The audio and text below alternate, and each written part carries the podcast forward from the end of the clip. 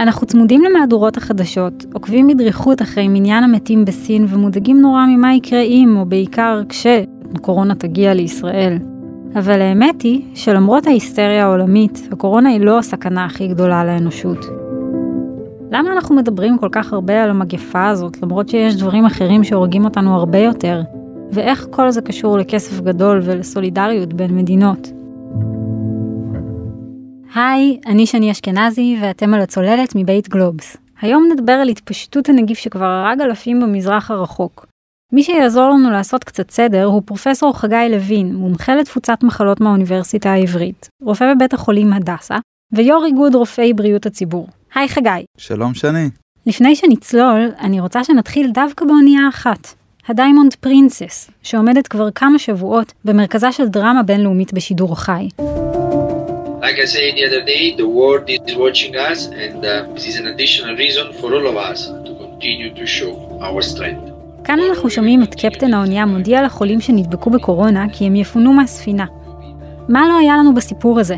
דילמות אנשיות, רפואיות, דיפלומטיות, ובעיקר, מעבדת ניסוי צפה, שהוכיחה עד כמה הקורונה מדבקת. מחולה אחד בן 80, יש כיום כבר מאות חולים מאובחנים, ביניהם גם ישראלים, ומי יודע עוד כמה שלא אובחנו. הדרמה הזאת עוד רחוקה מאוד מסיום, כי כאמור, הספינה מפונה עכשיו, אבל נוסעיה, אזרחי מדינות שונות ברחבי העולם, משוחררים מההסגר ובמידה רבה הופכים להיות מפיצי המגפה מחוץ לסין. והסיפור הזה מעלה המון שאלות, ובעיקר, איך נכון להתמודד עם מגפות כאלה ברמה הבינלאומית. זה באמת סיפור אנושי, מטלטל, שמייצג באיזה מיקרו-קוסמוס את בריאות הציבור ואת מה שעלול לקרות אה, בעולם בחודשים הקרובים עם דילמות קודם כל מקצועיות מאוד קשות וגם אה, אתיות אה, ובינלאומיות וחברתיות שצריך להתמודד איתן. אפילו אני, אני נזכר שהתחלתי דרכי כרופא מתמחה בבריאות הציבור, ממש ממש בחודש הראשון להתמחות הייתה לנו התפרצות של דלקת ריאות בבסיס בדרום הארץ, ובשלב הראשון לא ידענו מה המחולל, ומאוד מאוד התלבטנו, האם לשחרר את החיילים לבתיהם, ואז אולי לפזר את המחולל, שלא ידענו אם זה חיידק או נגיף, ולהדביק ולפזר מגפה או התפרצות ברחבי ישראל, להדביק את בני המשפחה, או שאולי דווקא המחולל נמצא בבסיס, אולי בצנרת המים, אולי בדרך אחרת, או במשהו שקשור בבסיס עצמו, ודווקא כשאנחנו מכריחים אותם להישאר בבסיס, אז אנחנו נדביק עוד יותר ונסכן אותם עוד יותר. לפרופסור לוין יש משל קטן על העולם. הספינה הזאת, תמשילי אותה לכדור הארץ. כולנו על אותה ספינה, זה מה שצריך להבין. התגובה חייבת להיות תגובה בינלאומית. לא סתם אמר מנכ"ל הארגון הבריאות העולמי על הנושא של סולידריות. אנחנו צריכים להסתכל על זה בצורה שאין פתרונות קסם. ואז נחשוב מה הדבר הטוב ביותר. בהחלט ייתכן לא רק שהנחת העבודה שהנגיף יגיע לישראל, ייתכן שהוא כבר כאן. ייתכן שכל מיני אנשים שהגיעו ולא ידעו שהם נושאים את הנגיף, הגיעו, הסתובבו ועכשיו הם ידביקו אחרים. ולכן אין אפס סיכון, אנחנו לא נצליח לעצור ב-100%. חשוב מאוד שאנחנו נתעסק איך כל מדינת ישראל נערכת להתפשטות של מגפה עולמית שיכולה לשנות את אורח החיים שלנו בחודשים הקרובים, ובזה אנחנו צריכים להתמקד בצד האפשרות שמתוך האירוע הזה את אותם דילמות אנחנו נראה בהמשך בעוד ועוד מקומות בעולם וגם בישראל. אולי אתם לא יודעים, אבל מאחורי הקלעים פועל איגוד רופאי בריאות הציבור. מדובר למעשה בתחום ברפואה העוסק במניעת מחלות, וביצירת מערכת של הגנה על הבריאות שלנו, כזו שתמנע מאיתנו את הצורך להגיע בכלל לטיפול בבתי החולים ובקופות החולים. אנחנו התרענו במשך שנים שמעבר למשבר החמור במערכת הרפואה הציבורית בישראל שכולם למדו להכיר, יש מערכת נוספת נסתרת מעין.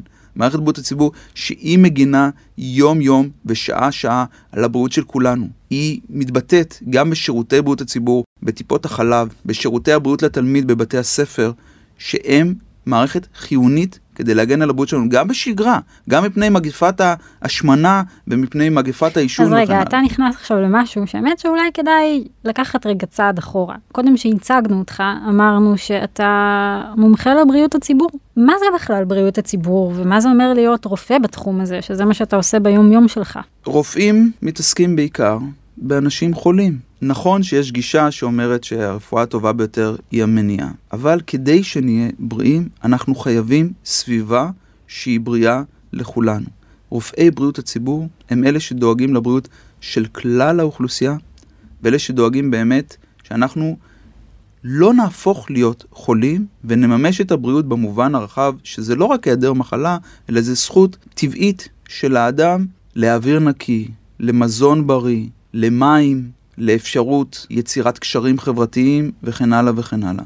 ואנחנו חייבים לתת את המענה בישראל, והמגפה היא קריאת השכמה שצריך לחזק את מערכת בריאות הציבור בישראל. אז... אנחנו אומרים להיערך לתרחיש החמור של הקורונה, אבל גם התרחיש החמור לא יביא להכחדת האנושות. לעומת זאת, המשבר האקלימי בהחלט כן יכול להביא להכחדת האנושות, ולכן צריך לחזק את בריאות הציבור, אבל לכוון את המשאבים ולהבין שהאשליה שלנו, כאילו אנחנו שולטים באופן מוחלט בסיכונים, היא רק אשליה, ואנחנו צריכים כל הזמן לשים את כדור הארץ במרכז ולראות איך אנחנו מייצרים סביבה שהיא מקיימת לבני האדם ולבעלי החיים כדי לשרוד על פני הגלובוס הזה שאין לנו אחר. ובחזרה לנגיף הקורונה. נגיף הקורונה החדש, ההערכה היא סדר גודל של בין 2 ל-4.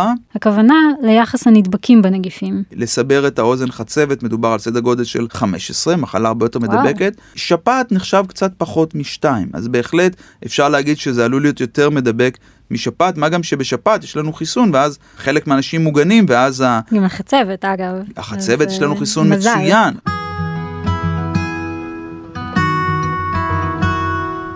לוין משוכנע שחשוב שננצל את החוסן הקהילתי שלנו, גם כדי לעזור לאחרים ולא רק לדאוג לעצמנו.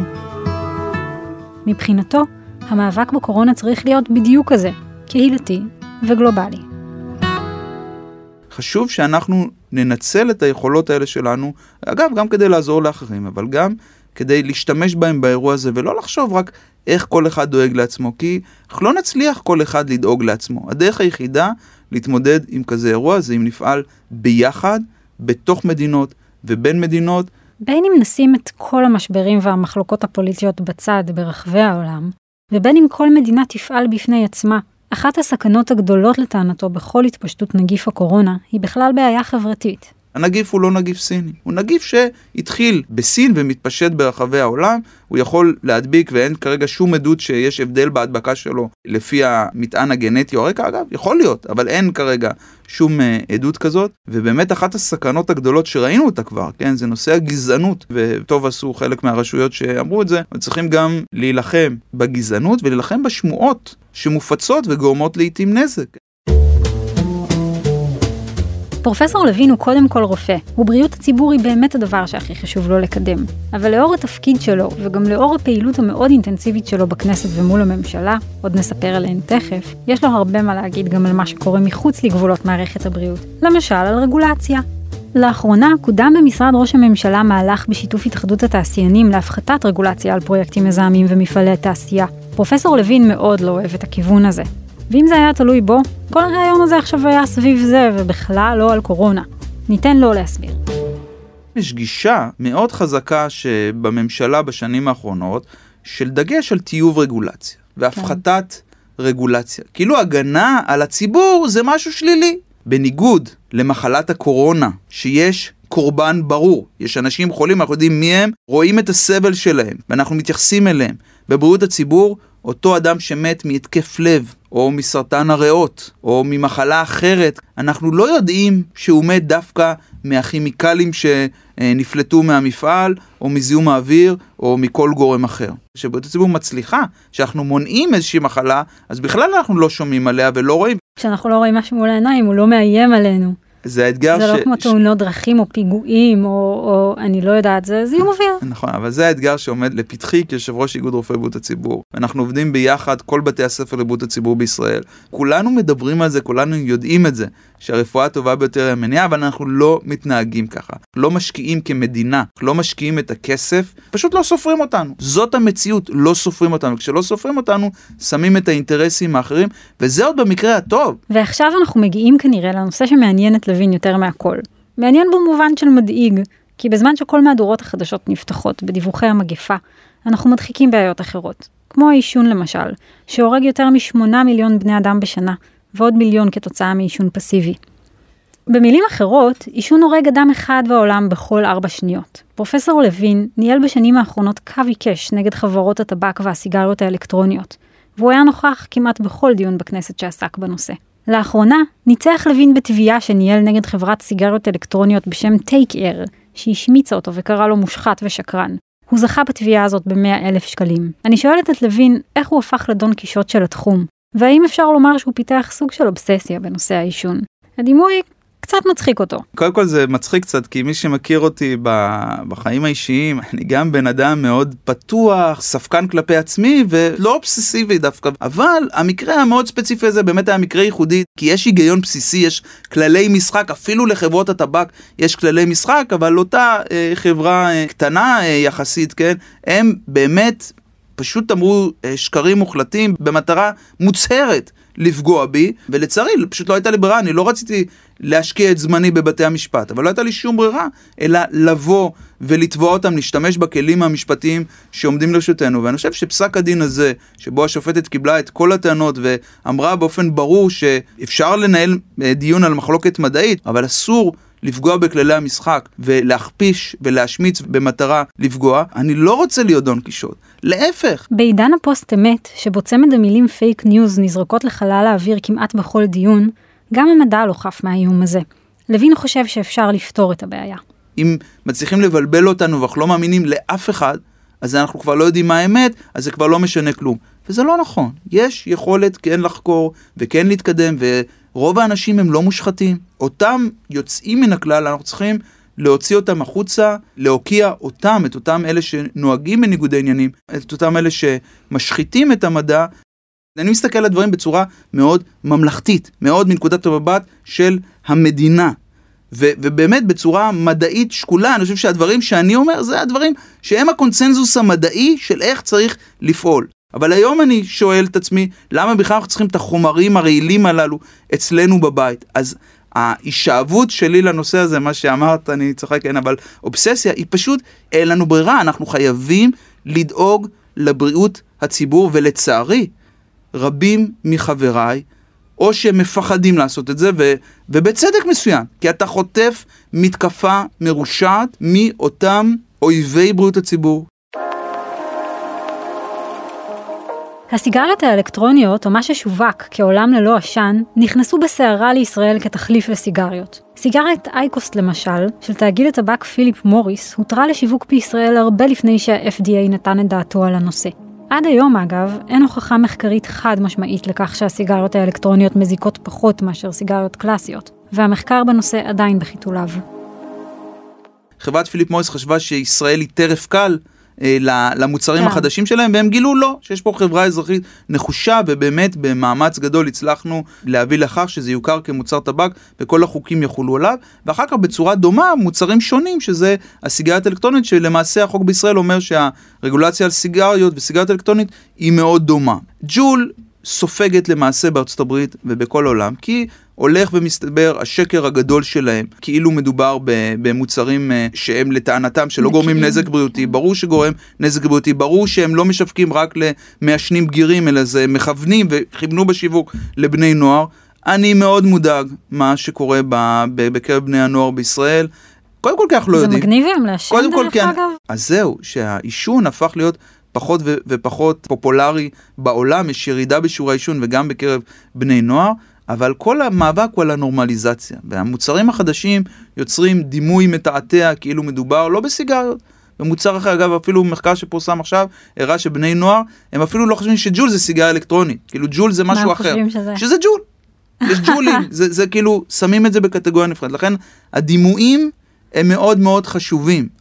תן לי רגע לנסות להבין את העניין הזה. הסיגריה, זו שעושה את הריח האיום והנורא, יודעים מה ההשלכות שלה על הבריאות שלנו, אה, אז היא ירדה מגדולתה, הפכה להיות אולי טיפה פחות פופולרית. אגב, עברה למדינות uh, באפריקה ובאסיה, כן, כלומר שם יש שיווק מסיבי, ו- כן. וזה, וגם נזכיר שבחברה הערבית בישראל, 45% מהגברים מעשנים, זה מטורף, ו- זה נורא. ובחברה, לשם השוואה, כמה בחברה היהודית אז אנחנו מדברים על סדר גודל של 25% מהגברים וואו. היהודים ו-15% מהנשים היהודיות ו-5% מהנשים הערביות, ערביות. פחות או יותר סדר גודל. אז בקרב הגברים הערבים זה גם מאוד פופולרי, גם במחקרים שעשינו הראינו שגם בקרב המשכילים, כולל בקרב הרופאים הערבים, עדיין השיעורים מאוד גבוהים, כלומר ההצלחה הזאת בכל זאת להפוך את זה לדבר שהוא הוא לא מקובל לפחות בשכבות מסוימות באוכלוסייה היהודית, לא קרה עדיין בחברה הערבית, זה, זה מאבק מאוד גדול. אני, אני תמיד אומר, קודם כל אנחנו צריכים לטפל בסיגריות ורק לסבר את האוזן. אין אזהרות גרפיות על חפיסות וסיגריות בישראל, שזה אמצעי יעיל שלא עולה כסף ויש בלמעלה מ-120 מדינות בעולם.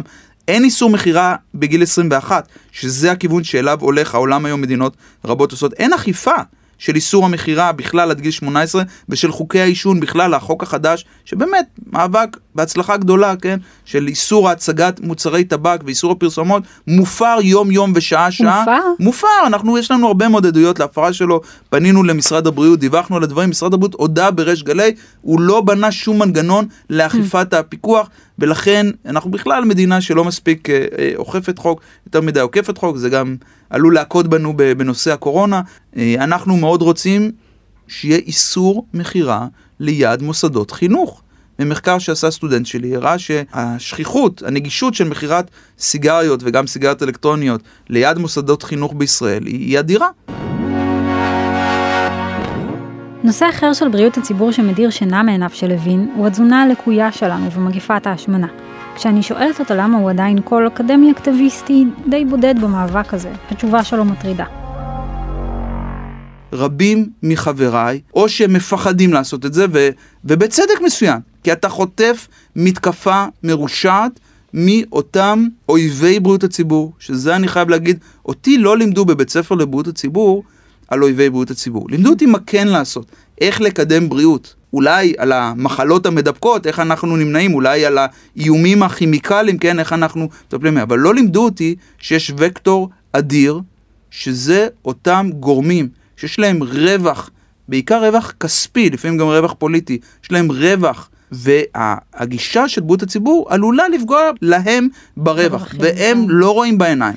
תעשיית המזון, אם היא הייתה משלמת את המחיר של מגפת ההשמנה, והמחיר של המוצר היה משקף את הנזק הבריאותי שלו, ובקבוק קוקה קולה המשוקץ, כי הדבר הזה הוא אכן רעל, היה עולה אלף שקל לבקבוק, שאולי זה המחיר האמיתי כן. של הבקבוק עצמו שהוא מזהם, ושל הנוזל הרעיל שבתוכו. אבל החיבור של לוין לנושא המזון הוא לא רק עקרוני ואידיאולוגי, אלא מאוד אישי. אחרי שאבא שלי איבד כף רגל בגלל סוכרת, שבהחלט אפשר להגיד שהשתיית משקאות ממותקים היה לה תרומה לעניין הזה, מבין שאנחנו חייבים להתייחס לדבר הזה הרבה יותר בחומרה, ולא לקבל אותו, אוקיי, אז אפשר קצת, זה בסדר. מה גם שהם משתמשים בטקטיקות שיווק מטורפות, הם כל הזמן ממתגים את עצמם כדבר חיובי, לא רק קוקה קולה כמובן, כן, נכנסים ב- ב- על ידי מתן חסויות, על ידי פרסומות, שוק אדיר של השקעה, פרסומות, כל עוד אנחנו לא חוסמים את הוקטור הזה של הפרסומות, אנחנו נמשיך להפסיד במאבק, גם כי זה משפיע על התקשורת, וגם כי ילד במדינת ישראל רואה אלפי פרסומות למוצרי מזון מזיק עד גיל 18. כשהוא גדל בחברה כזאת, שזה דבר נורמטיבי, ושוב, אני באופן אישי לחלוטין לא אובססיבי בעניין הזה. אפשר לאפשר לאנשים לאכול מה שהם רוצים, אבל לא לדחוף להם כל הזמן את המוצרים הללו שהם הכי זולים. בניגוד להרבה אנשי מערכת שעננים, פרופסור לוין מודאג מאוד ממשבר האקלים. מבחינתו זה לא איזה איום אמורפי, רחוק, מנותק מהחיים שלנו, אלא איום קרוב ומיידי, שקשור אפילו לשפעת ואולי אפילו גם לקורונה. לוין כמובן לא לבד. ארגון הבריאות העולמי הגדיר את משבר האקלים כאיום ממשי על בריאות האדם. People are suffering. People are dying. Entire ecosystems are collapsing. We are in the beginning of a mass extinction, and all you can talk about is money and fairy tales of eternal economic growth. How dare you! בהחלט זה, זה מאוד מעודד שאנחנו רואים את היציאה מקבוצה קטנה של האנשים שמבינים את האיום הסביבתי באמת לתקשורת המרכזית ולציבור הרחב. אין ספק שהילדים הם סוכני שינוי. הייתי מאוד רוצה לראות את המדענים, ואחד הדברים היפים אצל uh, גרטה שהיא אומרת, אני שומעת למדענים, אני כן, פשוט, בדיוק. מה שהמדענים אומרים, אני אומרת שזה מה שצריכים לאמץ, ולא משהו שהוא לא מבוסס. אז אני חושב שזה מאוד חשוב שנקשיב למדענים, שהמדענים ידעו גם לדבר בעצמם ולהגיד את הדברים, שזה יהפוך להיות סוגיה פוליטית. הולכים לקראת הבחירות, אני רוצה לשמוע מהמפלגות מה הן מתכננות לעשות כדי להגן עלינו מפני הנחשול הזה שמם עלינו. אגב, זה לא עניין עתידי, זה עניין עכשווי. עכשיו אנשים מתים בישראל מהצפות, זה לא גזירת גורל. זה קשור לאקלים, וזה קשור להיערכות שלנו שיכולה למנוע את הדבר הזה. לאחרונה, פרופסור לוין חוקר עם שותפים את הקשר שבין משבר האקלים ומחלת השפעת. ולמרות שהמחקר עדיין נמצא בעיצומו, כבר יש לו מסקנות שאפשר לדבר עליהן. בתחום השפעת זה מאוד מעניין, כי השפעת היא מאוד מאוד עונתית. לכן מן הסתם היא מאוד קשורה לאקלים. גם ההתנהגות החברתית קשורה לאקלים. אנחנו ראינו באוסטרליה שהייתה פעילות מאוד חריגה בין העונות של שפעת שחושבים שהיא אולי קשורה לשינוי אקלים. התחילו לראות את זה בעוד אזורים בעולם, ואנחנו בישראל, יחד עם uh, דוקטור אסף הוכמן uh, ואחרים, בדקנו את הקשר בין משטר האקלים, לא רק נתון ספציפי של גשם או טמפרטורה, אלא משטר האקלים, לבין נתוני בריאות, שאספנו לא רק נתונים של המרכז הלאומי לבקרת מחלות בישראל, שיש לו תפקיד מאוד חשוב של ניטור השפעת, ומצאנו קורלציה מאוד מאוד טובה בין תנאי אקלים מסוימים לבין תחלואה בשפעת. אז אנחנו ממשיכים את המחקר הזה, רוצים להעמיק את ההבנה, לראות אם אפשר לחזות לעתיד. תארי לך שאנחנו נוכל להגיד, השנה עונת השפעת צפויה להיות קשה במיוחד, חשוב לתגבר את בתי החולים.